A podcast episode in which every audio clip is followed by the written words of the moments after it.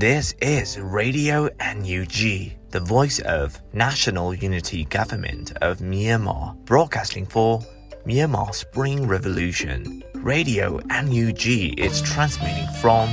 shortwave 16 meter 17.79 megahertz at 8:30 a.m. and 25 meter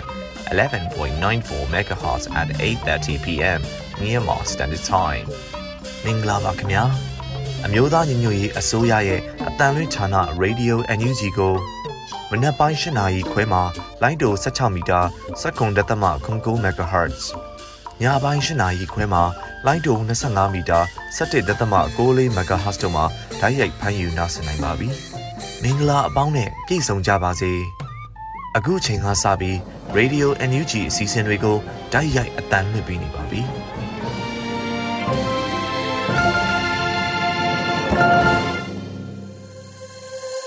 မြန်မာနိုင်ငံသူနိုင်ငံသားအပေါင်းတဘာဝပြီးဆရာနာရှင်ပြီးတို့ကနေကင်းဝေးပြီးကိုစိတ်နှစ်ပါးဘေးကင်းလုံခြုံကြပါစေလို့ရေဒီယိုအန်ယူဂျီဖွယ်သားများကဆုတောင်းမေတ္တာပို့သလာရပါတယ်ရှင်။အခုချိန်ကစပြီးကာကွယ်ရေးဝန်ကြီးဌာနရဲ့စီရေးသတင်းချင်းချုပ်ကိုတော့လူဦးမောင်မှဖတ်ကြားတင်ပြပေးပါမယ်ရှင်။ကာကွယ်ရေးဝန်ကြီးဌာနအမျိုးသားညီညွတ်ရေးအစိုးရမှထုတ်ဝေသောနိုင်စဉ်စီရေးသတင်းချင်းချုပ်ကိုတင်ဆက်ပေးပါတော့မယ်။ကျွန်တော်ကတော့ຫນွေဦးမောင်ပါ။ စစ်ရေးသတင်းအချင်းချုပ်စစ်ကောင်စီတပ်သားကြဆုံ9ဦးစစ်ကောင်စီတပ်သားဒဏ်ရာရ9ဦးစစ်ကောင်စီနဲ့တိုက်ပွဲဖြစ်ပွားမှုသတင်းများကိုတင်ဆက်ပေးပါမယ်။ချင်းပြည်နယ်တွင်2022ခုနှစ်မေလ9ရက်နေ့ချင်းပြည်နယ်မင်းတပ်မတူပီလမ်းမိုင်30မှ32မိုင်တွင်စစ်ကောင်စီရင်နှန်းနှင့် CDF မင်းတပ်တို့တိုက်ပွဲဖြစ်ပွားခဲ့ရာစစ်ကောင်စီတပ်သား9ဦးသေဆုံးသွားခဲ့ကြောင်းသိရသည်။ 2022ခုနှစ်မေလ10ရက်နေ့ချင်းပြည်နယ်မင်းတပ်မတူပီလမ်းမိုင်28မိုင်တွင်စစ်ကောင်စီရင်တန်းနဲ့ CDF မင်းတပ်တို့တိုက်ပွဲဖြစ်ပွားခဲ့ရာစစ်ကောင်စီကားများပျက်စီးခဲ့ပြီးရာသီဥတုအခြေအနေအရစစ်ကောင်စီတပ်သားတေဆုံးအရေးအတွက်အတိမပြုနိုင်သေးကြောင်းသိရသည်2022ခုနှစ်မေလ9ရက်နေ့ချင်းပြည်နယ်မင်းတပ်မတူပီလမ်းမိုင်25တွင်စစ်ကောင်စီရင်တန်းနဲ့ CDF မင်းတပ်တို့တိုက်ပွဲပြင်းထန်နေပြီးနှစ်ဖက်ထိခိုက်ကြဆုံးမသိရသေးကြောင်းသိရသည်။။ စကိုင်းတိုင်းတွင်2022ခုနှစ်မေလ10ရက်နေ့စကိုင်းတိုင်းမုံရွာမြို့နယ်မုံရွာဘူးတလင်လမ်းပိုင်း၌နာမခမဘူးတလင်မြို့ဘက်သို့လာသောစစ်ကောင်စီကားနှစ်စီးအားမုံရွာမြို့နယ်ပြည်သူ့ကာကွယ်ရေးအဖွဲ့ပကဖမှမိုင်းဆွဲတိုက်ခိုက်ခဲ့ရာမိုင်းဆွဲတိုက်ခိုက်မှုကြောင့်စစ်ကောင်စီကားတစ်စီးပြင်းထန်စွာထိခိုက်ခဲ့ပြီးစစ်ကောင်စီတပ်သားများအထိခိုက်များခဲ့ကြောင်းသိရသည်။ တနင်္သာရီတိုင်းတွင်2022ခုနှစ်မေလ9ရက်နေ့တဝယ်မြို့နယ်ထုံခါရဲစခန်းအားကာကွယ်ရေးတပ်ဖွဲ့မှမဝင်ရောက်စီးနင်းခဲ့သည့်ဖြစ်စဉ်တွင်အချင်းဦးစီးမှအရာခံပုံနှင့်ဒုတက်ချက်တအူသေဆုံးခဲ့ကြောင်းသိရသည်မွန်ပြည်နယ်တွင်2022ခုနှစ်မေလ10ရက်နေ့မွန်ပြည်နယ်တထုံမြို့နယ်အခြေဆိုင်ခမာရတစ်အားတထုံပြည်သူ့ကာကွယ်ရေးအဖွဲ့ပကဖများမှတွားရောက်ပစ်ခတ်ခဲ့သည်ရှမ်းပြည်နယ်တွင်2022ခုနှစ်မေလ10ရက်နေ့ရှမ်းပြည်နယ်ကုတ်ခိုင်မြို့နယ် တိန်နီကုတ်ခိုင်ကြားမန်ပြင်းကျေးရွာအထက်ကြောက်တောင်အနီးရှိစစ်ကောင်စီနဲ့မြောက်ပိုင်းမဟာမိတ်အဖွဲ့တို့တိုက်ပွဲဖြစ်ပွားခဲ့ပြီးထိခိုက်ဒေဆုံးမှုနဲ့ပတ်သက်၍မသိရှိရသေးကြောင်းသိရသည်ဆက်လက်ပြီးစစ်ကောင်စီအကြမ်းဖက်မှုများကိုတင်ဆက်ပေးပါမယ် ကရင်ပြည်နယ်တွင်2022ခုနှစ်မေလ9ရက်နေ့ကရင်ပြည်နယ်ဖအံမြို့နယ်ဖအံအကျဉ်းထောင်တွင်နိုင်ငံရေးအကျဉ်းသားများထောင်တွင်ဆန္ဒပြမှုကြောင့်ရိုက်နှက်ဖြိုခွင်းခံရပြီးအကျဉ်းသား၄ဦးဒဏ်ရာပြင်းထန်စွာရခဲ့ကြောင်းနဲ့18ဦးတိုက်ပိတ်ခံရကအစာဖြတ်ခံထားရကြောင်းသိရသည်2022ခုနှစ်မေလ9ရက်နေ့ ကရင်ပြည်နယ်ဖာပုံမြို့နယ်ကရင်အမျိုးသားအစည်းအရုံး KNU တပ်မဟာ9နယ်မြေကုစိတ်ကျေးရွာတွင်တက်ဆွဲထားသောစစ်ကောင်စီတပ်၏စကခရှစ်လက်အောက်ခံခမာယ408တရင်မှမေလ9ရက်နေ့နေ့လယ်ပိုင်းတွင်ဒွယ်လုံးမြို့နယ်တခွီးတိုကျေးရွာအတွင်းသို့60မမလက်နက်ကြီးဖြင့်လေးကြိမ်ခန့်ပစ်ခတ်ခဲ့ရာဆယ်ကျော်သက်အမျိုးသမီး2ဦးကြီးထိမှန်ပြီးတဦးမှာတေဆုံးခဲ့ကြောင်းသိရသည်။ 2022ခုနှစ်မေလ9ရက်နေ့ကရင်ပြည်နယ်မြဝတီမြို့နယ်ရွှေကုတ်ကိုကျေးရွာအုပ်စုအတွင်းမှကျေးရွာ6ရွာရှိပြည်သူများအားမေလ9ရက်နေ့တွင်အုပ်ချုပ်ရေးမှုမှစစ်တမ်းထဲသို့ရောက်ရှိနေသောစစ်ကောင်စီလက်အောက်ခံ BGF တပ်ဖွဲ့ဝင်များအားထောက်ပံ့ရန်ငွေကြေးများကောက်ခံနေပြီးအိမ်တဲအိမ်တွင် ထိုင်းဘတ်ငွေ900ပေးဆောင်ရမည်ဖြစ်ကြောင်းဒေသခံများထံမှသိရသည်။မြဝတီမြို့နယ်ရွှေကုတ်ကိုကျေးရွာအုပ်စုများဖြစ်သည့်လဲဘုံကျေးရွာဝါခဟောင်းကျေးရွာ မဲတီကျေးရွာအစရှိသည့်ကျေးရွာများရှိကျေးရွာအုပ်ချုပ်ရေးမှုမှထောက်ပံ့ငွေများအားမဖြစ်မနေပေးဆောင်ရမည်ဖြစ်ကြောင်းချင်းချောက်လျက်ရှိကြောင်းသိရသည်ကစကိုင်းတိုင်းတွင်2022ခုနှစ်မေလ9ရက်နေ့စကိုင်းတိုင်းဖောင်းပြင်မြို့နယ်ရောင်ဟင်းကျေးရွာအနီး၌စစ်ကောင်စီတပ်သားများဝင်ရောက်ခဲ့ပြီးပြည်သူနေအိမ်များကိုမီးရှို့ဖျက်ဆီးခဲ့ကာပြည်သူ10ဦးခန့်အားဖမ်းဆီးထားကြောင်းသိရသည်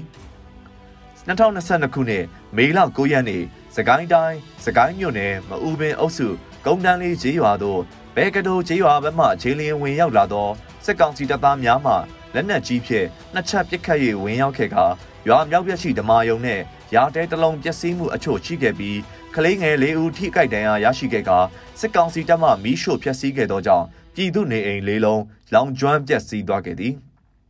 2022ခုနှစ်မေလ10ရက်နေ့စကိုင်းတိုင်းရွှေဘိုမြို့နယ်မကြီးသုံးပင်ကျေးရွာသို့စစ်ကောင်စီတပ်သားများရောက်ရှိလာကနေအိမ်များကိုမီးရှို့ဖျက်ဆီးခဲ့ပြီးကျေးရွာနေပြည်သူ၄ဦးအားဖမ်းဆီးသွားခဲ့ကြောင်းသိရသည်။တနင်္သာရီတိုင်းတွင်2022ခုနှစ်မေလ9ရက်နေ့တွင်တနင်္သာရီတိုင်းဗိမ်းမြို့နယ်ဗိမ်းမြို့တွင်လမ်း၌အကြမ်းဖက်ကောင်းဆောင်ဒူးချုပ်စိုးဝင်းဗိမ်းမြို့ကိုရောက်ရှိချိန်တွင်ဘုံများပောက်ကွဲခဲ့ပြီးပောက်ကွဲမှုပြီးနောက် အရန်ဝတ်နဲ့လက်နက်ကင်ဆောင်ထားသည့်စစ်ကောင်စီဗတ်တော်သားများသည်အိမ်စီကားအုံပြု၍အမျိုးသားနှစ်ဦးစီးလာသည့်စိုက်ကယ်များကိုကားဖြစ်တိုက်ပြီးဖမ်းဆီးမှုများဇက်တိုက်လှုပ်ဆောင်လာနေကြောင်းနှင့်မောင်းပြေးသည့်စိုက်ကယ်များကိုပစ်ခတ်ခဲ့ကြောင်းသိရသည်2022ခုနှစ်မေလ9ရက်နေ့တနင်္သာရီတိုင်းပလောမြို့နယ်အတွင်းဒီကိုင်ပြိုးပါတီဝင်များနဲ့အဖွဲ့အချို့သည်ပြည်သူ့ကာကွယ်ရေးအဖွဲ့များကိုပူးပေါင်းတိုက်ခိုက်ရန်သွေးတောက်အဖွဲ့မှလိုက်လံစီယုံသိမ်းသွင်းနေကြောင်းနဲ့၎ င်းအဖွဲ့မှ NLD ပါတီဝင်များ PDF အဖွဲ့ဝင်များဟုဆွဆွဲထားသူများ၎င်းတို့နှင့်ပတ်သက်တဲ့မိသားစုဝင်များနဲ့ထောက်ပံ့ပေးနေသူများကိုပြစ်မှတ်ထားရှင်းလင်းမိဖြစ်ကြောင်းသိရသည်2022ခုနှစ်မေလ10ရက်နေ့တနင်္သာရီတိုင်းပလောမြို့နယ်ပလောမြို့ပလောကုန်းနယ်နတ်အိမ်တောင်ရွာများဘက်တွင်စစ်ကောင်စီများ၏ထမင်းဘိုးဟုဆိုကာစိုက်ကယ်တစည်းလင်1000ကျပ်ဘေးတွဲတစည်းလင်15000ကျပ်အားပလောကုန်းအုပ်ချုပ်ရေးမှုနှင့် နက်အိမ်တောင်အုပ်ချုပ်ရေးမှုတို့ပူးပေါင်း၍အတင်းအဓမ္မအကောက်ခံနေကြောင်းသိရသည်2022ခုနှစ်မေလ9ရက်နေ့တနင်္သာရီတိုင်းလောင်းလုံးမြို့နယ် ညောပြင်ဘက်ရှိရွာများတွင်စစ်ကောင်စီများဝင်မွေနေ၍ပြည်သူများထိခိုက်မှုရှိနေပြီးထွက်ပြေးတိမ်းရှောင်နေရကြောင်းနဲ့ဆက်သွယ်ရေးတွင်မိုက်တယ်စစ်ကပ်များသာအသုံးပြုနိုင်ပြီးညနေပိုင်း၌စစ်ကောင်စီတမော်တစီလောင်းလုံးတို့ထက်ရောက်ခဲ့ပြီးယခုလက်ရှိညောပြင်ရွာနှင့်အနီးတစ်ဝိုက်မှွေနေသောစစ်ကောင်စီအင်အား80ခန့်ရှိပြီးယခုရောက်လာသည့်စစ်ကောင်စီတမောဘက်မှစစ်ကောင်စီအင်အားမြင့်မြပါလာသည်ကိုမသိရသေးကြောင်းသိရသည် 2022ခုနှစ်မေလ10ရက်နေ့မနက်ပိုင်း၌တနင်္သာရီတိုင်းတဝယ်မြို့နယ်တမော့စိတ်ရက်ကွက်မှ NLD အလံထူထားသည့်အိမ်ကိုစွန်ရဲအဖွဲ့မှအိမ်စီကအမဲရောင်တစည်းဖြင့်လာရောက်၍တတိပေးစာလာကတ်သွားကြောင်းသိရသည်မကွေးတိုင်းတွင်2022ခုနှစ်မေလ10ရက်နေ့မကွေးတိုင်းပခုတ်ကူမြို့နယ်ပခုတ်ကူမြို့အမှတ်3ရက်ကွက်မှပြည်သူနှုတ်မောင်းနှင်လာသောစိုက်ကယ်တစ်စီးကိုစစ်ကောင်စီမှတနက်ဖြစ်ပစ်ခတ်ခဲ့သောကြောင့်ထိမှန်ကဆေးရုံရောက်နေကြောင်းသိရသည် မန္တလေးတိုင်းတွင်2022ခုနှစ်မေလ10ရက်နေ့မန္တလေးတိုင်းပသိမ်ကြီးမြို့နယ်စင်ပုတ်ကြီးရွာထဲသို့ငချောက်လမ်းရောက်သောလူငယ်6ဦးအားထောက်ကန်စာမပါသည့်အကြောင်းပြချက်ဖြင့်စင်ပုတ်အုပ်ချုပ်ရေးမှူးနှင့်ရုံးသားအုပ်ချုပ်ရေးမှူးတို့ပူးပေါင်း၍စစ်ကောင်စီကားနှစ်စီးဖြင့်ဖမ်းဆီးသွားခဲ့ကြောင်းသိရသည်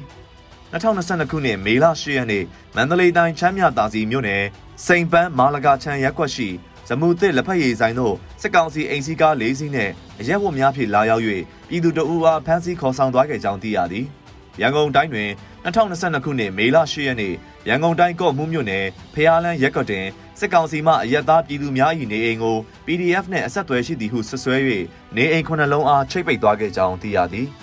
ရခိုင်ပြည်နယ်တွင်2022ခုနှစ်မေလ6ရက်နေ့ ရခိုင်ပြည်နယ်အမ်းမြို့နယ်ဓားလက်ချောင်းအုပ်စုရှိကျေးရွာပေါင်း90ကျော်သို့စံတင်ပုတ်သည့်ကားလမ်းများနဲ့ရေလမ်းများကိုစစ်ကောင်စီမှပိတ်ပင်တားမြစ်လိုက်ကြောင်းသိရသည်။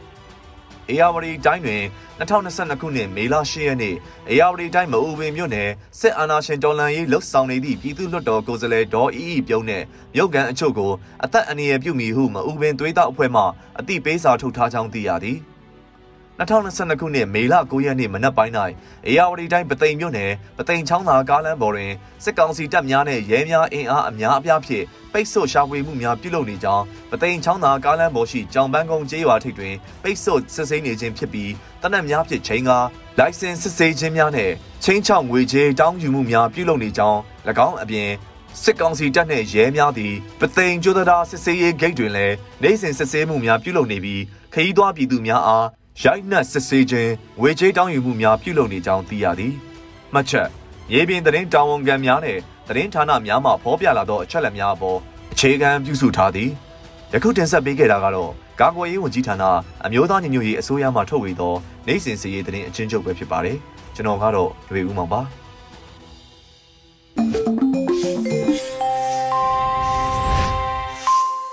ရေဒီယိုအန်ယူဂျီရဲ့မနက်ခင်းစီစဉ်တွေကိုဆက်လက်တင်ပြနေပါတယ်။ အခုတစ်ခါနောက်ဆုံးရသတင်းများကိုရန်နိုင်မှဖတ်ကြားတင်ပြပေးပါမယ်ရှင်။မင်္ဂလာပါခင်ဗျာ။ခုချိန်ကစပြီးရေဒီယိုအန်ယူဂျီမနက်ခင်းသတင်းများကိုတင်ဆက်ပေးပါတော့မယ်။အခုတင်ဆက်ပေးမယ့်သတင်းတွေကိုတော့ရေဒီယိုအန်ယူဂျီသတင်းတောင်ခံတွေနဲ့ခိုင်လုံတဲ့မိဘသတင်းရင်းမြစ်တွေကအခြေခံထားတာပဲဖြစ်ပါတယ်။ကျွန်တော်ကတော့ရန်နိုင်ပါ။တယံဇာရစီမံအုပ်ချုပ်ရာမှာရေရှည်တည်တံ့ရေးကာကွယ်ထိန်းသိမ်းခြင်းတာမကဒေသခံပြည်သူလူထုရဲ့ နေ့စဉ်လူမှုဘဝအဆင်ပြေစေရေးကိုပါချိန်ကြီးလှုံ့ဆော်သွားရန်ပြည်ထောင်စုဝန်ကြီးချုပ်ကမှာကြားခဲ့ပါတယ်။မေလ9ရက်နေ့မှာကျင်းပတဲ့ပြည်ထောင်စုအဆင့်တယံဇာတစီမံအုပ်ချုပ်မှုအဖွဲ့ NABNR ရဲ့၃မြင်းဆောင်2022စီဝေးမှာအဖွဲ့ဥက္ကဋ္ဌဖြစ်တဲ့မြို့သားညီညွတ်ရေးအစိုးရပြည်ထောင်စုဝန်ကြီးချုပ်မန်းဝင်းခိုင်တန်းကပြောကြားခဲ့တာပါ။တယံဇာရစီမံအုပ်ချုပ်ရာမှာရေရှည်တည်တံ့ရေးကာကွယ်ထိန်းသိမ်းခြင်းသာမကဒေသခံပြည်သူလူထုရဲ့နေ့စဉ်လူမှုဘဝအဆင်ပြေစေရေး တော်လှန်ရေးအတွက်အထောက်ပံ့ဖြစ်စေရေးတယံဇာရစီမံအုပ်ချုပ်ခြင်းနဲ့ဆက်နွယ်တဲ့အဖွဲ့အစည်းများအကြားနားလည်မှုမလွဲမှားစေရေးတို့အတွက်ချိန်ညှိလှုပ်ဆောင်သွားဖို့လိုအပ်ပါကြောင်းတစ်တော်ကဏ္ဍနဲ့တတ်ထုကြောင်းမြတ်ကဏ္ဍတို့ဟာစစ်ကောင်စီအတွက်ဝင်ငွေရလမ်းကြောင်းများဖြစ်ပြီးအဲ့ဒီဝင်ငွေရလမ်းကြောင်းများကိုဖျက်တောက်မဲ့လုပ်ငန်းစီမံများမှာကာကွယ်ရေးနဲ့အုပ်ချုပ်ရေးဖွဲ့စည်းများအနေနဲ့ထိထိရောက်ရောက်ပူးပေါင်းဆောင်ရွက်သွားဖို့တိုက်တွန်းလိုကြောင်းပြည်ထောင်စုဝန်ကြီးချုပ်ကဆိုပါတယ်။ ဒါပြင်ဇွန်လ9ရက်နေ့မှာကြာရောက်မဲ့ကမ္ဘာပတ်ဝန်းကျင်ထိန်းသိမ်းရေးနေ့ကိုနိုင်ငံတကာနည်းတူပတ်ဝန်းကျင်ထိန်းသိမ်းရေးဆိုင်ရာအသိပညာမြင့်တင်ရေးအစီအစဉ်များထည့်သွင်းကျင်းပသွားရင်လိုအပ်တယ်လို့လည်းဝန်ကြီးချုပ်ကပြောကြားခဲ့ပါတယ်ခင်ဗျာ။ပြည်ထောင်စုအဆင့်တင်ယံဇာတစီမံအုပ်ချုပ်မှုအဖွဲ့၃မြင်းဆောင်2022စီဝေးကိုကျင်းပခဲ့တယ်လို့သတင်းရရှိပါတယ်။ပြည်ထောင်စုဝန်ကြီးချုပ်ကဥက္ကဋ္ဌအဖြစ်ဦးဆောင်တဲ့ပြည်ထောင်စုအဆင့်တင်ရဇာရစီမံအုပ်ချုပ်မှုအဖွဲ့ရဲ့၃မြင်းဆောင်2022စီဝေးအား မေလ9ရက်မနေ့10:00နာရီမှာဇွန်မီတင်နဲ့ကျင်းပခဲ့ပါတယ်။အစည်းအဝေးကိုကာကွယ်ရေးဝန်ကြီးဌာနပြည်ထောင်ရေးနဲ့လူဝင်မှုကြီးကြပ်ရေးဝန်ကြီးဌာနစီမံကိန်းဗဏ္ဍာရေးနဲ့ရင်းနှီးမြှုပ်နှံမှုဝန်ကြီးဌာနတင်ရဇာရနဲ့တဘာဝပတ်ဝန်းကျင်ထိန်းသိမ်းရေးဝန်ကြီးဌာနတို့မှဝန်ကြီးဒုတိယဝန်ကြီးကိုယ်စားလှယ်ဖွဲ့ဝင်များပြည်ထောင်စုဝန်ကြီးချုပ်ရုံးမှအတွင်းဝန်နဲ့ရုံးအဖွဲ့ပြည်ထောင်စုအဆင့်တင်ရဇာရစီမံအုပ်ချုပ်မှုအဖွဲ့ရဲ့အတွင်းမှုရုံးဖွဲ့တို့မှတက်ရောက်ခဲ့ကြပါတယ်။ ပြည်ထောင်စုအဆင့်တင်ရဇာရစီမံအုပ်ချုပ်မှုအဖွဲ့ဥက္ကဋ္ဌဖြစ်တဲ့ပြည်ထောင်စုဝန်ကြီးချုပ်မန်ဝင်းခိုင်တန်းကအဖွဲ့မှစကားပြောကြားခဲ့ပြီးဆက်လက်ပြီးတော့ဒုတိယဥက္ကဋ္ဌဖြစ်တဲ့တင်ရဇာရနဲ့တဘာဝပတ်ဝန်းကျင်ထင်းထင်းဝန်ကြီးဌာနပြည်ထောင်စုဝန်ကြီးဒေါက်တာတူးခေါင်ကဂျားကာလာတင်ရဇာရစီမံအုပ်ချုပ်မှုအတွက်မူချမ်းရေးဆွဲပြီးဖြစ်တဲ့ဂျားကာလာတင်ရဇာရစီမံအုပ်ချုပ်ရေးမူပေါင်းတစ်တော်နဲ့ဇီဝမျိုးစုံမျိုးကွဲကဏ္ဍကိုအချင်းချင်းတင်ပြခဲ့ပါတယ်။ဆက်လက်ပြီးဂျားကာလာတယံဇာရစီမံအုပ်ချုပ်မှုဆိုင်ရာ လုပ်ငန်းတိုးတက်မှုအခြေအနေရှေ့လုပ်ငန်းစဉ်များနဲ့2022ခုနှစ်ကမ္ဘာပတ်ဝန်းကျင်ထိန်းသိမ်းရေးနှင့်ကျင်းပရေးတို့ကိုအတွင်းမှုရုံးအဖွဲ့ကတင်ပြခဲ့တယ်လို့သိရှိရပါတယ်ခင်ဗျာ။2022ခုနှစ်မှာပြည်သူလူထုခံစားနေရတဲ့ဆင်းရဲဒုက္ခတွေအဆုံးသတ်မယ်လို့ယုံကြည်ကြောင်းပြည်တော်စုဝန်ကြီးဒေါ်စင်မောင်အောင်ကပြောကြားလိုက်ပါတယ်။အမျိုးသားညီညွတ်ရေးအစိုးရနိုင်ငံခြားရေးဝန်ကြီးဌာနပြည်ထောင်စုဝန်ကြီးဒေါ်စင်မအောင်နဲ့တရုတ်ဆောင်ဒေါင်းကဆက်သွယ်မိမြတ်ရာမှာဝန်ကြီးကထည့်သွင်းပြောကြားခဲ့တာပါ 2022ခုနှစ်ဟာပြည်သူလူထုအတွက်တော်လှန်ရေးအတွက်အောင်မြင်တဲ့နှစ်တစ်နှစ်အချိုးအကွေ့ကောင်းမွန်တဲ့နှစ်တစ်နှစ်ကိုရရှိနိုင်တဲ့နှစ်ဖြစ်တော့မျှော်လင့်လို့ရပါတယ်လို့ပြောချင်ပါတယ်စီရေးနိုင်ငံရေးတန်တမန်ရေးဗတ်ပေါင်းစုံပေါ့ဗန္ဒာရေးလည်းရေးကြည့်ပါတယ်ကဏ္ဍပေါင်းစုံစုံပြီးတော့ဟန်ချက်ညီညီနဲ့တော်လန်မဲဆိုလို့ရှိရင်တော့ဒီ2022ဟာပြည်သူလူထုခံစားနေရတဲ့ဆင်းရဲဒုက္ခတွေအဆုံးသတ်ပြီးတော့ကောင်းမွန်တဲ့နိုင်ငံရေးအချိုးအကွေ့တစ်ခုကိုရောက်မယ်ဆိုတာကျွန်မကိုယ်တိုင်လည်းယုံကြည်တယ် ပြည်သူလူထုကိုလည်းယုံကြည်စေချင်ပါတယ်လို့ဝန်ကြီးကဆိုပါတယ်လက်ရှိမှာတော့စစ်ကောင်စီတပ်များဟာစကိုင်းတိုင်းမကွေးတိုင်းနဲ့ချင်းပြည်နယ်ကရင်ပြည်နယ်ကရင်ပြည်သားတို့မှာအထိနာကြဆုံးများပြားလျက်ရှိပါတယ်ခင်ဗျာစစ်ကောင်စီရဲ့ငြိမ်းချမ်းရေးဆွေးနွေးပွဲမတက်ရောက်တဲ့တော်လှန်ရေးအဖွဲ့အစည်းများထုတ်ပြန်ချက်ကိုအင်အားရှိတဲ့စာများလို့ပြည်ထောင်စုဝန်ကြီးဦးအောင်မျိုးမင်းကတင်စားခေါ်လိုက်ပါတယ်။မေလ9ရက်နေ့မှာမြို့သားညီညွတ်ရေးအစိုးရကလူခွင့်ရေးရာဝန်ကြီးဦးအောင်မျိုးမင်းက၎ င်းရဲ့လူမှုကွန်ရက်မှာခွန်အားရှိသောစာများလို့ရေးသားဖော်ပြထားပါတယ်။ပြီးခဲ့တဲ့ရက်များအတွင်းကအကြမ်းဖက်ခေါင်းဆောင်မင်းအောင်လှိုင်ဟာဒိုင်းနာဒေါ်လာအင်အားစုများကိုသူကိုယ်တိုင်တွေ့မယ်လို့ဆိုခဲ့တာပါ။လက်ရှိမှာတော့ ABSDF KIO, KNU, KNPP, CNF စတဲ့တိုင်းရင်းသားတော်လှန်ရေးအင်အားစုများဟာစစ်ကောင်စီရဲ့ငြိမ်းချမ်းရေးဆွေးနွေးပွဲကိုမတက်ရောက်နိုင်ဘူးလို့ကြေညာချက်များထုတ်ပြန်ခဲ့ပါတယ်ခင်ဗျာ နိုင်ငံတော်တိုင်ပင်ခံပုဂ္ဂိုလ်ဒေါ်ဆန်းစုကြည်ကိုစစ်ကောင်စီကရဟတ်ရင်ကိစ္စနဲ့တရားစွဲဆိုခိုင်းလို့တရားလိုလုပ်ရတဲ့အဂရိကော်မရှင်အဖွဲ့ဝင်ကိုရှေ့နေများအပြန်အလှန်မေးခွန်းထုတ်ခဲ့တယ်လို့တရားရုံးအတိုင်းဝိုင်းကသိရပါတယ်။မေလ9ရက်နေ့နေပြည်တော်ရှိဇူဝတိရီမြို့နယ်အထူးတရားရုံးမှာစစ်ဆေးခဲ့တယ်လို့သတင်းရရှိပါတယ်။တရားရုံးကိုတော့ဒေါ်ဆန်းစုကြည်နဲ့ဦးဝင်းမြင့်ကိုယ်တိုင်တက်ရောက်ခဲ့ပြီးနေကောင်းကျမ်းမာကြောင်းသိရပါတယ်။အမှုမှာစစ်ကောင်စီခန့်အဂရိလိုက်စားမှုတိုက်ဖျက်ရေးကော်မရှင်မှ အရာရှိဦးအောင်ခန့်အားအတိုင်ပင်ခံပုဂ္ဂိုလ်ရှေ့နေများကအပြန်အလှန်မေးခွန်းများမေးမြန်းခဲ့ရမှာညနေ3နာရီအချိန်ထိကြာမြင့်ခဲ့တယ်လို့သိရပါတယ်။အဆိုပါမှုဟာနိုင်ငံတော်ရဲ့တိုင်ပင်ခံပုဂ္ဂိုလ်ဒေါန်ဆန်းစုကြည်အားရဟန်းညီဝယ်ယူမှုအသုံးပြုခြင်းနဲ့ပတ်သက်ပြီးစစ်ကောင်စီကမတရားအမှုဆင်ဆွဲဆိုခဲ့တယ်လို့သိရှိရပါတယ်ခင်ဗျာ။ AR တိုင်းမူပင်အမတ်ဒေါ်အီအီပြုံးအားစစ်ကောင်စီတပ်ထောက်ခံတဲ့သွေးတောက်ဖွဲ့ကချင်းချောက်လိုက်တယ်လို့သတင်းရရှိပါတယ်။ မေလ9ရက်နေ့မှာမူပင်မြို့နယ်ပြည်သူ့တော်ကိုယ်စားလှယ်ဒေါ်အီအီပြုံးကလူမှုကွန်ရက်မှာဖော်ပြထားပါတယ်။ချင်းချောက်စာအရဒေါ်အီအီပြုံးရဲ့လုပ်ငန်းဆောင်တာများမရက်ပါကမိသားစုဝင်များကိုဘေးဖြစ်အောင်လှုပ်ဆောင်မယ်လို့ချင်းချောက်ထားတာဖြစ်ပါတယ်။မအူပင်အမတ်ဒေါ်အီအီပြုံးဟာပြည်သူ့ရေးရာကော်မတီရဲ့အတွင်းမှုလည်းဖြစ်ခါပြည်သူ့ရေးရာလုပ်ငန်းဆောင်တာများနဲ့ CDM များအရေးကိုအဓိကဆောင်ရွက်နေတာလည်းဖြစ်ပါတယ်ခင်ဗျာ။ကရင်မျိုးသားစီယုံ KNU KNL KNI မျိုးသားတိုးတက်ရေးပါတီ KNPP KA နဲ့ချင်းမျိုးသားတပ်ဦး CNF CNA တို့ရဲ့ပူးရဲထုတ်ပြန်ကြေညာချက်နှင်းမြင့်ဆောင်2022ကို2022ခုနှစ်မေလ9ရက်ရက်စွဲဖြင့်ထုတ်ပြန်ကြေညာပါတယ်။အဲ့ဒီကြေညာချက်အပြည့်စုံမှာအပိုက်တဲ့2022ခုနှစ်ဧပြီလ22ရက်နေ့တွင်စစ်ကောင်စီအကြီးအကဲဖြစ်သည့်ဗိုလ်ချုပ်မှုကြီးမင်းအောင်လှိုင်မှ တိုင်းသားခုခံတော်လှန်ရေးဖွဲ့စည်းတို့၏ခေါင်းဆောင်များအားငြိမ်းချမ်းရေးတွေးဆုံဆွေးနွေးရန်ရုံမြင့်တန်ကြားမှတဆင့်ထုတ်လွှင့်ပြောကြားသည်ကိုကြားသိရပါသည်အပိုက်နှင့်ပြည်တော်စု၏ပြဿနာကိုနိုင်ငံရေးတွေးဆုံဆွေးနွေးမှုဖြင့်အပြေရှားရေးသည်မိမိတို့တိုင်းသားလက်နက်ကိုင်တော်လှန်ရေးဖွဲ့များမှအစဉ်တစိုက်တောင်းဆိုခဲ့သည့်တောင်းဆိုချက်ပင်ဖြစ်ပါသည်တို့ရတွင်လက်ရှိတိုင်းပြည်မှရင်ဆိုင်ကြုံတွေ့နေရသည့်နိုင်ငံရေးအကြက်တဲများကို တွေးဆုံဆွေးနွေးဖြေရှာမည်ဆိုပါက ပါဝင်သင့်သော stakeholders များအားလုံးပါဝင်ရန်နှင့်ကုလသမဂ္ဂနှင့်နိုင်ငံတကာတိုင်းဝိုင်းတို့မှဂျားဝင်စစ်ဆက်ပေးသည့်မျှတသောတွေးဆုံဆွေးနွေးရေးစပွဲဝိုင်းအမှန်ဖြစ်ပေါ်လာမည်ဖြစ်ပြီးအဆိုပါတွေးဆုံဆွေးနွေးရေးစပွဲဝိုင်းမှတစ်ဆင့်မိမိတို့မျှော်မှန်းသော Federal ပြည်ထောင်စုနိုင်ငံကိုတည်ဆောက်သွားနိုင်မည်ဖြစ်သည်အပိုက်3ထို့ကြောင့်စစ်ကောင်စီ၏လက်ရှိထိုးစစ်ဆင်နေမှုများအားအမြန်ဆုံးရပ်တန့်ပြီး ပါဝင်သည့်ပါဝင်တိုက်သော stakeholders များအားလုံးပါဝင်လျက်အတိတ်ပဲပြေဝသောတွေးဆုံဆွေးနွေးမှုကိုဖော်ဆောင်ရန်အပြင်နိုင်ငံတကာလူမှုဖွဲ့စည်းများမှစေဘေးသည့်ပြည်သူလူထုများအားလွတ်လပ်စွာ လူမှုကူညီထောက်ပံ့မှုအားဆောလျင်စွာဖိတ်ခေါ်ခွင့်ပြုသွားရန်ထုတ်ပြန်အပ်ပါသည်ဟုဖော်ပြပါရှိပါရခင်ဗျာ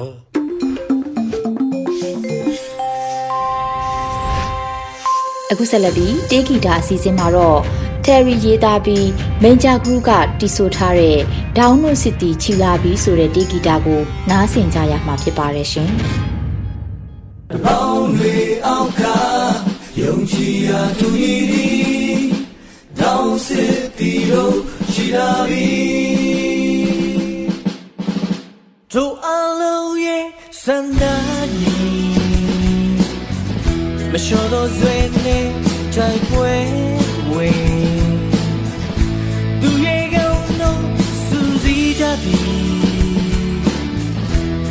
စစ်ပြီးတော့ချီသေးပြီ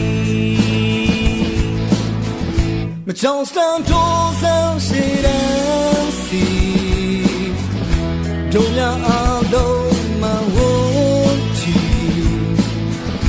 ညီညွတ်စင်တော့တို့ရုံထွက်မည်အနာဂတ်လာဖို့ရည်ရွယ်သည်ရေစိတ်ခေါ်အားနဲ့တို့လ ရဲ့တနည်းစေသူခွဲ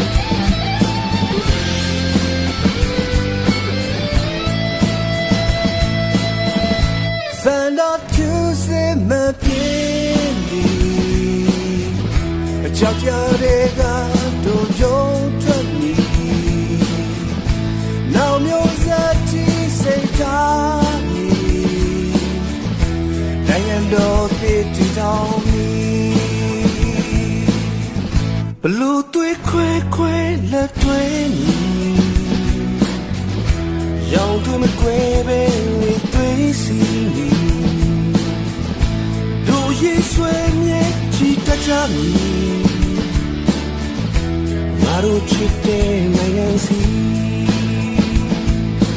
ရေစိတ်ကိုအားနဲ့တို့နဲ့ဟဲ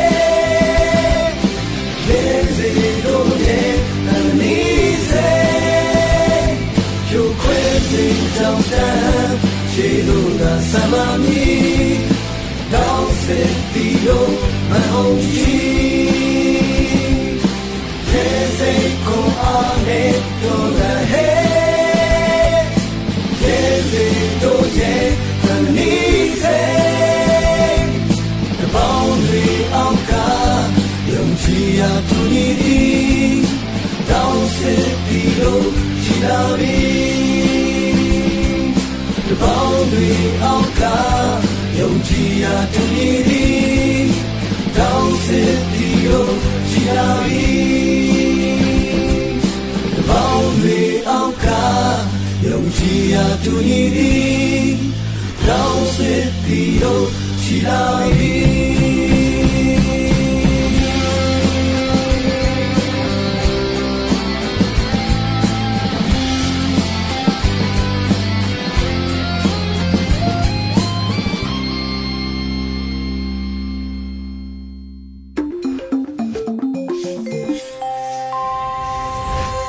ရာသူညီဒီတောင်းစစ်ပြီးတော့ချီလာပြီရေဒီယိုအန်ယူဂျီမှာဆက်လက်တင်ပြနေပါတယ်။အခုဆက်လက်ပြီး PPTV ရဲ့နေ့စဉ်သတင်းများကိုတော့ထက်ထက်အင်ဒရာအောင်မှဖတ်ကြားတင်ပြပေးပါမယ်ရှင်။ပထမဆုံးတင်ဆက်ပေးမှာကတော့ကျန်းမာရေးဝန်ကြီးဌာနရဲ့တနစ်တာလှုပ်ဆောင်မှုတွေကိုအမျိုးသားကျန်းမာရေးကော်မတီ NAC ထံအစီရင်ခံတင်ပြခဲ့တဲ့ဆိုတဲ့သတင်းမှာ အမျိုးသားညီညွတ်ရေးအစိုးရကျန်းမာရေးဝန်ကြီးဌာနရဲ့တနစ်တာအတွင်းမှာလှုပ်ဆောင်ခဲ့တဲ့ဆောင်ရွက်မှုလုပ်ငန်းတွေကိုအမျိုးသားကျန်းမာရေးကော်မတီ NAC ထံအစီရင်ခံတင်ပြတာကိုမေလ9ရက်နေ့မှာအွန်လိုင်းကနေတဆင့်ပြုလုပ်ခဲ့ကြပါတယ်။အမျိုးသားကျန်းမာရေးကော်မတီ NAC ရဲ့ဥက္ကဋ္ဌဖြစ်သူဘရူမန်မန်ကဥဆောင်ဆွေးနွေးမှုတွေလုပ်ခဲ့ပြီးတော့အစည်းအဝေးတက်ရောက်လာသူတွေကအမျိုးသားညီညွတ်ရေးအတိုင်းအမြံကောင်စီ NUCC အမျိုးသားကျန်းမာရေးကော်မတီ NAC နဲ့ ကျန်းမာရေးဝန်ကြီးဌာနကြားချိတ်ဆက်ဆောင်ရွက်မဲ့မဟာဗျူဟာတွေကိုဝိုင်းဝန်းဆွေးနွေးခဲ့ကြပါတယ်။အမျိုးသားကျန်းမာရေးကော်မတီရဲ့ဒုတိယဥက္ကဋ္ဌတင်တဲ့ကျန်းမာရေးဝန်ကြီးဌာနပြည်ထောင်စုဝန်ကြီးပေါမောက္ခဒေါက်တာဇော်ဝီဆိုအမျိုးသားကျန်းမာရေးကော်မတီအဖွဲ့ဝင်ကျန်းမာရေးဝန်ကြီးဌာနဒုတိယဝန်ကြီးဒေါက်တာရွှေပုံနဲ့တာဝန်ရှိသူတွေကကျန်းမာရေးဝန်ကြီးဌာနရဲ့တနစ်တာဆောင်ရွက်ရမှုလုပ်ငန်းများအမျိုးသားညီညွတ်ရေးအတိုင်းအမြံကောင်စီ NUCC နဲ့ အမျိုးသားညီညွတ်ရေးအစိုးရ NUG ကြားချိတ်ဆက်ဆောင်ရွက်မှုတွေကိုအစီရင်ခံတင်ပြခဲ့ပါတယ်။အမျိုးသားကျန်းမာရေးကော်မတီရဲ့အတွင်းရေးမှူးဒေါက်တာအုတ်ကာကလည်းအမျိုးသားကျန်းမာရေးကော်မတီ NAC ရဲ့လုပ်ငန်းစဉ်တွေကိုရှင်းလင်းပြောကြားခဲ့ပါတယ်။ဒါ့အပြင် NAC အဖွဲ့ဝင်နဲ့ပို့အမျိုးသား Federal ကောင်စီ PNFC ဥက္ကဋ္ဌခွန်မြင့်ထွန်းကညီကုန်းချုပ်အမှားစကားပြောကြားခဲ့ပြီးတော့အစည်းအဝေးကိုရုပ်သိမ်းခဲ့ပါတယ်။အစည်းအဝေးကို NAC ရဲ့အတိုင်းအမြံနေဖြစ်တဲ့ဒေါက်တာမြင့်ချိုဒေါက်တာစလိုင်းပါချင်း ဒေါက်တာသိန်းဝင်း NAC ဥက္ကဋ္ဌဘရူမန်မန်ဒုတိယဥက္ကဋ္ဌများအတွင်မှုများ NAC အဖွဲ့ဝင်များဖြစ်တဲ့တိုင်းရင်းသားကျန်းမာရေးအဖွဲ့ EHO အသီးသီးကခေါင်းဆောင်များပရဟိတလူမှုရေးအသင်းအဖွဲ့မှခေါင်းဆောင်ကိုယ်စားလှယ်များကျန်းမာရေးဝန်ကြီးဌာနပြည်ထောင်စုဝန်ကြီးဒုတိယဝန်ကြီးနဲ့တာဝန်ရှိသူများ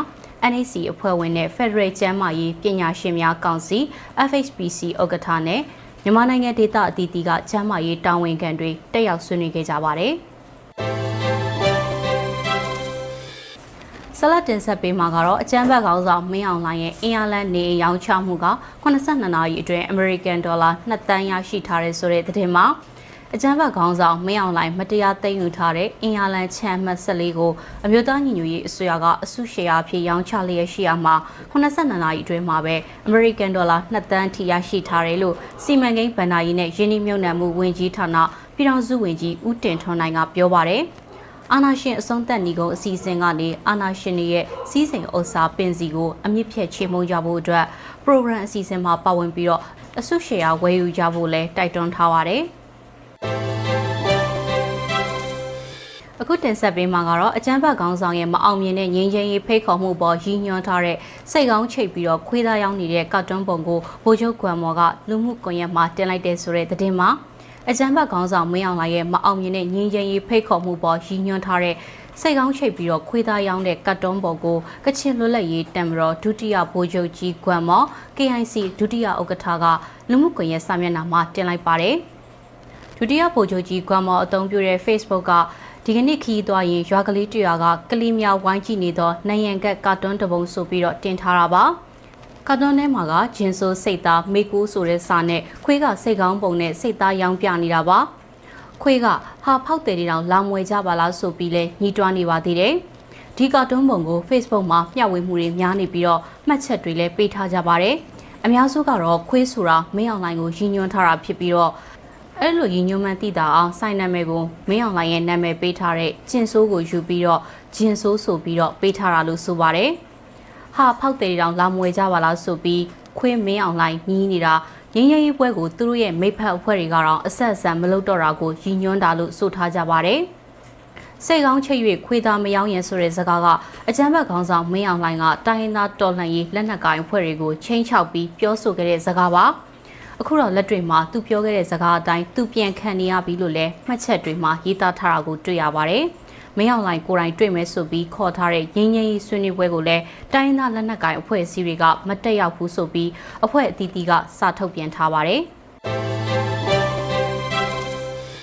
ဆက်လက်တင်ဆက်ပေးမှာကတော့အကြမ်းဖက်စစ်ကောင်စီအနေနဲ့နိုင်ငံရေးဆွေးနွေးခြင်းနဲ့ဆိုရင်အာဏာသိမ်းတာကိုစွန့်လွတ်ရမယ်လို့ KNU ကအသိပေးလိုက်တဲ့သတင်းမှာအကြမ်းဖက်ခေါင်းဆောင်မင်းအောင်လှိုင်ရဲ့ငြိမ်းချမ်းရေးဆွေးနွေးပွဲဖိတ်ခေါ်မှုအပေါ်မတက်ရောက်ဘူးလို့ KNU မျိုးသားစီယုံ KNU ကထုတ်ပြန်လိုက်တယ်လို့တစ်ဆက်တည်းမှာပဲနိုင်ငံရေးဆွေးနွေးခြင်းနဲ့ဆိုရင်အာဏာသိမ်းတာကိုစွန့်လွတ်ရမယ်လို့လည်းအသိပေးလိုက်ပါတယ်။ဆွေးနွေးပွဲပြုလုပ်မယ်ဆိုရင်ဆွေးနွေးဘက်တီကြောင့်မှနိုင်ငံရေးစိတ်ဆန္ဒရှိမှုကိုအခြေခံပြီး ပြိပက္ခတွေကိုငြိမ်းချမ်းစွာအဖြေရှာတာနှက်ဆိုင်စွာအမြင့်တွယ်နေတဲ့နိုင်ငံရေးပြဿနာတွေကိုဖြေရှင်းတာအာဏာရှင်စနစ်ချုပ်ငြိမ်းတာစစ်တပ်ကနိုင်ငံရေးမှာမပါဝင်တော့တာတွေနဲ့အတူအသွင်ကူးပြောင်းရေးကာလတရားမျှတမှုကိုလက်ခံတာတွေအတွက်လိုအပ်တယ်လို့ထုတ်ပြန်ချက်မှာဖော်ပြထားပါတယ်။ဒီဟာတွေကိုလက်ခံနိုင်ပြီဆိုရင်အနာဂတ်နိုင်ငံရေးဆွေးနွေးပွဲမှာသူတို့ဆွေးနွေးမယ်။ဒါတွေမပါဘဲနဲ့ဆွေးနွေးဖို့ကအရန်ခက်တယ်နောက်ဆုံးချက်ကဘာလဲဆိုတော့ဒီလိုတရားမဝင်အာဏာသိမ်းနေတဲ့ကိစ္စကိုတရားဝင်ဆွန့်လွတ်ကြောင်း ဆိုလိုတာကကိုလုတ်ခဲ့တာအကုန်လုံးမှားတယ်ဆိုတာကိုတရားဝင်ကြီးညာရမယ်နောက်ပြီးဒီနေရာကနေအကုန်စွန့်ခွာပေးရမယ်ဒါတွေလုံနိုင်မှနိုင်ငံရေးဆွေးနွေးပွဲကိုဆက်လုပ်နိုင်မှာဖြစ်တယ်ဒါဟာကျွန်တော်တို့ရဲ့ခံယူချက်ရည်တည်ချက်အခိုင်အမာဖြစ်တယ်လို့ KNU ပြောရေးဆိုခွင့်ရှိသူဘရူစော့တော်နီကလူလူຫນွေဦးကိုပြောကြားထားတာပါ ဒါအပြင်အပြန်အလှန်လေးစားအသိမှတ်ပြုပြီးတော့ဒန်းနူညီမျှမှုနဲ့တရားမျှတမှန်ကန်တဲ့ဂုဏ်သိက္ခာရှိရှိတွစ်ဆုံဆွေးနွေးလိုခြင်းအစရှိတဲ့မျှဝေစံတန်ဖိုးတွေကိုဥထိတ်ထားခြင်းအပြင်အစစ်စင်သောဆွေးနွေးမှုတွေမှာနိုင်ငံတကာရဲ့ပါဝင်မှုအခမ်းကဏ္ဍတွေကိုလေ့လာသူတွေအဖြစ်အကျိုးဆောင်ပံ့ပိုးသူများအဖြစ်တက်တည်အများအဖြစ်ဤပညာနဲ့အရင်းမြစ်အထောက်အကူပြုမှုတို့မှာပါဝင်ရမှာဖြစ်တယ်လို့ထုတ်ပြန်ချက်မှာဖော်ပြထားတာကိုတွေ့ရပါတယ်။ လူမျိုးပေါင်းစုံဘာသာပေါင်းစုံမိတင်းနေထိုင်တဲ့နိုင်ငံအတွင်းဘာသာရေးယုံကြည်မှုတိုင်းရင်းသားလူမျိုးများဘာသာစကားဒလိထုံးနဲ့ပထဝီဒေသန္တရစုံလင်ကွဲပြားမှုများစွာ ဖြစ်တည်ရှိတဲ့အတွက် Federal Democracy ကျင့်စဉ်များအာဏာခွဲဝေမှုများကိုယ်ပိုင်ပြဋ္ဌာန်းအုပ်ချုပ်ခွင့်များလွတ်လပ်ခွင့်များစနစ်တကျထူထောင်ခြင်းလက်တွေ့ကျင့်သုံးခြင်းဖြစ်သာလျင်မှန်ကန်မျှတတဲ့ငြိမ်းချမ်းသောလူအဖွဲ့အစည်းနဲ့ နိုင်ငံရဲ့ရေရှည်တည်တံ့ခိုင်မြဲတဲ့ငြိမ်းချမ်းရေးကိုတိစောက်နိုင်မှာဖြစ်တယ်လို့ဖော်ပြထားတာကိုတွေ့ရပါတယ်။ဒီကနေ့ကတော့ဒီညနေပဲ Radio NUG ရဲ့အစည်းအဝေးကိုခਿੱတရနာလိုက်ပါမယ်။မြန်မာစံတော်ချိန်မနက်၈နာရီခွဲနဲ့ည၈နာရီခွဲအချိန်တွေမှာပြန်လည်ဆုံးဖြတ်ကြပါစို့။ Radio NUG ကိုမနက်ပိုင်း၈နာရီခွဲမှာလိုင်းဒို16မီတာစက္ကန့်တသမ9 MHz ညပိုင်း၈နာရီခွဲမှာလိုင်းဒို25မီတာ17.6 MHz တို့မှာ ဓာတ်ရိုက်ဖမ်းယူနားဆင်နိုင်ပါပြီ။မြန်မာနိုင်ငံသူနိုင်ငံသားများကိုယ်စိတ်နှပြကျန်းမာချမ်းသာလို့ဘေးကင်းလုံခြုံကြပါစေလို့ Radio NUG အဖွဲ့သူအဖွဲ့သားများကဆုတောင်းလိုက်ရပါတယ်။အမျိုးသားညီညွတ်ရေးအစိုးရရဲ့စက်သွေးရေးတရင်အချက်အလက်နဲ့ဤပညာဝန်ကြီးဌာနကထုတ်လွှင့်နေတဲ့ Radio NUG ဖြစ်ပါတယ်။ San Francisco Bay Area အခြေစိုက်မြန်မာမိသားစုများနဲ့နိုင်ငံတကာကစေတနာရှင်များလှုပ်အားပေးများရဲ့ Radio NUG ဖြစ်ပါတယ်။အရေးတော်ပုံ အောင်ရမည်